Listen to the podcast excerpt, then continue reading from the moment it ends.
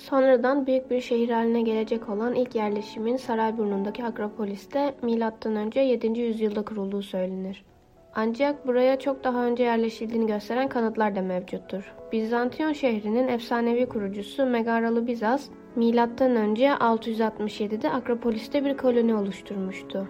Söylenceye göre Bizas Delfi'deki kahine danışır ve kahin ona Körler Diyarı'nın karşısına yerleşmesini öğütler.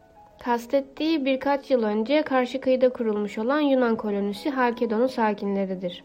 Halkedonlular Bizas tarafından seçilen yerin çok önemli artılarını göremediklerine göre kör olmalıydılar. Burası Boğaz'ın ağzında Karadeniz'den ya da antik adıyla Pontus'tan gelip Propontus'a ve Ege'ye giden tüm gemileri kontrol eden bir konumdaydı. Avrupa ve Asya'nın birleştiği noktada olduğu için de giderek her iki kıtanın büyük ticaret yollarını kendine çekti. Üstelik üç taraftan denizle çevriliydi ve karadan saldırılabilecek kısa açıklık güçlü surlarla korunarak şehir istila edilemez kılınabiliyordu. Bundan 400 yıl önce Fransız yazar Gillius'un söylediği gibi. Diğer şehirler ölümlü olabilir ama bana göre bu şehir dünya üstünde insan oldukça yaşamaya devam edecek.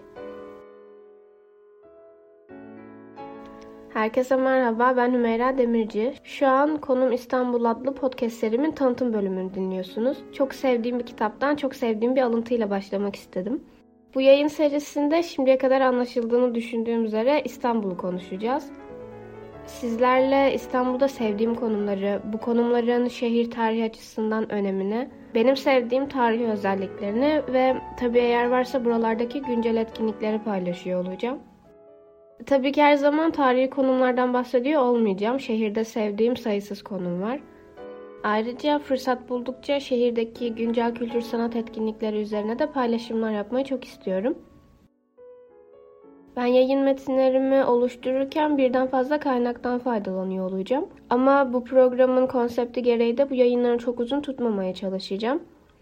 Yine de özellikle tarihi kısımlardan bahsederken önemli olduğunu düşündüğüm hiçbir noktayı atlamak istemiyorum.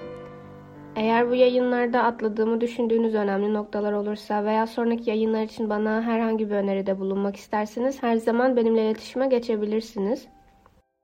Ben dahil tüm ekip arkadaşlarımın iletişim bilgilerine kültürişleri.com üzerinden de ulaşabilirsiniz. Ayrıca her yayın için oluşturduğum fotoğraflı bir yazı metnini de sizinle web sitemiz üzerinden paylaşmış olacağım.